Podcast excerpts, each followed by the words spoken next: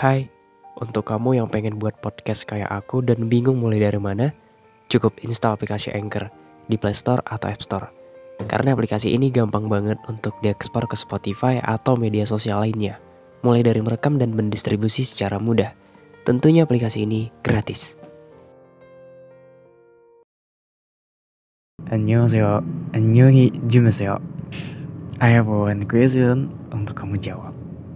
Yaitu bagaimana tanggapan kamu tentang seseorang yang menyukai karakter fiksi dan menjadikannya patokan untuk lawan jenis yang ideal di dunia nyata.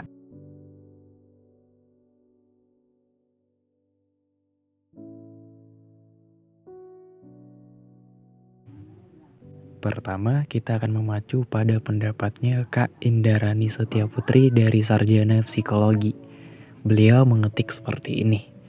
Itu dinamakan dengan delusi, karena dia terlalu membayangkan seseorang atau sosok di dalam karakter fiksi entah apa pun itu formatnya, baik anime, superhero, atau villain, atau karakter komik, ataupun hentai sekalipun yang dianggap bahwa karakter-karakter tersebut sesuai dengan apa yang diharapkan olehnya, selama ini di kehidupan nyatanya, seperti pemaksaan kehendak olehnya atas ketidakmampuan dirinya dalam mencari pasangan hidup yang ada di dunia nyata. Kemudian dia melampiaskan ketidakmampuannya itu untuk dilampiaskan ke dalam karakter fiksi seperti apa yang sudah di awal aku bilang. Dan seseorang yang seperti itu termasuk golongan orang yang punya gangguan psikologis. Efeknya bisa beragam tergantung dari masing-masing individu yang bersangkutan atau individu yang mengalaminya. Ada yang dengan dia menganggap karakter fiksi tersebut sebagai pemacu semangat atau kinerja produktivitas kesehariannya, dan itu satu hal yang sangat positif. Namun kebalikannya, ada juga efek negatif dikarenakan dia terlalu peduli dengan delusinya itu. Menyebabkan dia lupa dengan kehidupan sehari-hari yang dia jalani, dan bukan tidak mungkin dia mengalami penurunan produktivitas kinerjanya. Metode yang baik dan seharusnya dilakukan untuk menolongnya adalah kita di sampingnya berusaha untuk menjadi orang yang terlihat selalu ada untuknya. Karena orang yang mengalami delusi sebenarnya adalah orang yang merasa dirinya dijauhi oleh orang lain terlebih lagi. Adalah orang yang dia kasihi. Intinya adalah kita harus berusaha selalu ada untuknya. Meskipun kita bukan seorang karakter fiksi yang dia sukai, dengan kita selalu ada untuknya, hal itu akan mengurangi ketergantungan dirinya akan karakter fiksi. Dan kembali berinteraksi dengan sesamanya di dunia nyata. Ada juga jawaban dari Kak Said Taufik. Menurut saya, mungkin terlalu berlebihan atau bahkan terkesan lebay. Karena bagi saya pribadi, karakter yang mengagumkan itu saat kita menjadi diri sendiri.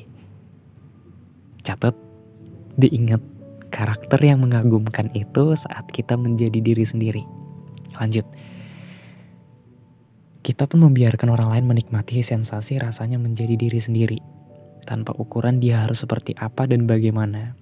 Kita bisa saling menerima kekurangan kelebihan masing-masing, lalu kita sama-sama memperbaiki segala kesalahan yang terjadi, khususnya segala kesalahan pribadi yang kita lakukan terhadap orang lain.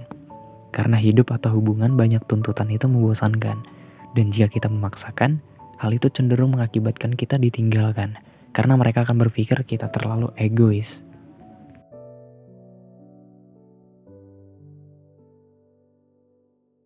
Aku akan bacakan sebuah artikel dari Klik Dokter. Punya pacar dua dimensi, apakah termasuk gangguan mental? Punya pacar dua dimensi. Mungkin kamu bakal geleng-geleng kepala ketika mendengarnya. Jangan kan percaya membayangkannya aja udah terasa aneh. Namun faktanya, hal tersebut nyata adanya. Beberapa kalangan diketahui menyukai dan mencintai wanita atau pria dalam tokoh kartun, anime, buku novel, film, drama, dan lain sebagainya. Tak berhenti di sana, mereka juga mengaku memacari bahkan menikah dengan karakter anime tersebut. Nah, apakah punya pacar dua dimensi termasuk gangguan mental? Menyukai atau memfavoritkan karakter anime atau sejenisnya tertentu adalah hal yang wajar. Anime berhubungan dengan Jepang dan biasanya disebut dengan wibu. Namun, beda halnya kalau sampai mendeklarasikan tokoh kartun anime sebagai pacar dan bahkan menikahinya. Dikutip dari New York Times, kehidupan memacari tokoh dua dimensi dijalani Nissan umur 37 bersama Nemutan, yaitu sarung bantal dua dimensi bergambar tokoh dari sebuah video game. Nissan menjalani kehidupan bak pasangan kekasih. Mereka jalan-jalan, tinggal bersama, tidur di mobil, bermain komedi putar, hingga berfoto ala turis. Setelah tiga tahun bersama, menurut Nissan, mereka hampir tidak dapat dipisahkan lagi. Nissan adalah salah satu dari banyak sekali subkultur pria dan wanita di Jepang yang menikmati hubungan nyata dengan karakter imajiner.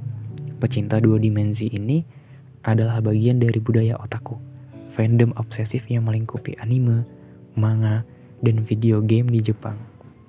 Fenomena ini berkembang pesat dalam beberapa dekade terakhir. Berkencan dengan tokoh imajiner tentu tidak sama dengan pasangan normal lainnya, yang melibatkan interaksi dua pihak, kontak fisik, dan komunikasi. Lalu apakah seseorang yang mengaku punya pacar dua dimensi termasuk mengidap gangguan mental? Dan apakah normal kita menyukai karakter dua dimensi? Catat, Sebenarnya hal ini belum dikategorikan sebagai gangguan mental, namun termasuk penyimpangan. Gangguan mental artinya dapat mengganggu aktivitas, emosi, dan pikiran baik si individu maupun orang-orang di sekitarnya. Pacar dua dimensi bisa disebut penyimpangan dalam konteks menjalani hubungan romantis. Alih-alih mencari pasangan di dunia nyata, dia malah memilih pasangan dari tokoh imajiner. Kecerundungan ini bisa disebabkan oleh banyak hal, namun diduga terdapat faktor pengalaman tertentu di masa lalu. Mereka yang mengalami ini kemungkinan memiliki pengalaman traumatis dalam hubungan atau dari keluarga. Jadi, perlu dicari tahu lebih mendalam alasan mereka memilih pacar dua dimensi. Itu sebabnya orang yang memiliki kecerundungan punya pacar dua dimensi atau tokoh imajiner lainnya sebenarnya membutuhkan bantuan ahli. Nah, Kondisi seperti ini tentu sudah nggak normal. Agar hal tersebut tidak kamu alami, penting banget untuk kamu terlebih dahulu mengenali empat tanda jika seseorang terkena victopilia. Yang pertama adalah sering membandingkan. Penderitaan victopilia sering membandingkan pasangan atau orang-orang di sekitarnya dengan tokoh fiksi yang mereka idolakan. Hal ini terjadi karena mereka menganggap bahwa tokoh yang mereka idolakan adalah sosok yang paling sempurna. Yang kedua, menutup diri. Penderita victopilia akan menutup dirinya dengan kehidupan di sekitarnya sehingga mereka menjadi antisosial. Penyebabnya karena rasa cinta mereka dengan tokoh fiksi tersebut. Mereka selalu berimajinasi tentang kesempurnaannya kehidupan. Mereka kalau-kalau tokoh yang mereka idolakan hidup bersama mereka. Yang ketiga, berusaha mengubah pasangan. Bukan cuma yang jomblo aja, tapi mereka yang memiliki pasangan malah bisa lebih ekstrim.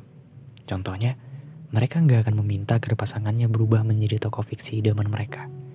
Baik dari cara pakaian, model rambut, gaya bicara, dan lainnya. Keempat, selalu memikirkannya. Psikolog seksual Zoya Amiri mengungkapkan bahwa penderita victopilia ini akan terus mengembangkan tokoh fiktif idolanya dan tanpa sadar Hal tersebut sudah menjadi kebiasaan yang di dalam sebuah masalah dalam kepribadiannya.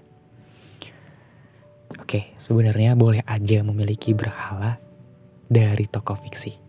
Namun jangan sampai kamu terlalu berlebihan mengidolakan mereka. Jika kamu atau siapa pun di sekitarmu memiliki empat tanda seperti tadi, sebaiknya segera beri pemahaman dan konsultasikan masalah ini pada psikolog atau psikiater agar tidak menjadi masalah yang serius. Oke pesan dari aku, boleh-boleh aja kamu mengidolakan.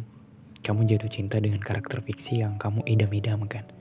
Mulai dari cara berpakaiannya, gaya bicaranya, stylenya, apa pun hal tentang dia yang bikin kamu seneng, yang bikin kamu nyaman. Tapi ingat satu hal, jangan pernah kamu menuntut seseorang, baik itu yang mencintai kamu, ataupun kamu yang mencintai dia, bertingkah seperti tokoh fiksi yang kamu inginkan cukup jadi diri dia sendiri. Jadikan karakter fiksi itu sebagai patokan bahwasanya kamu pernah bahagia karena dia.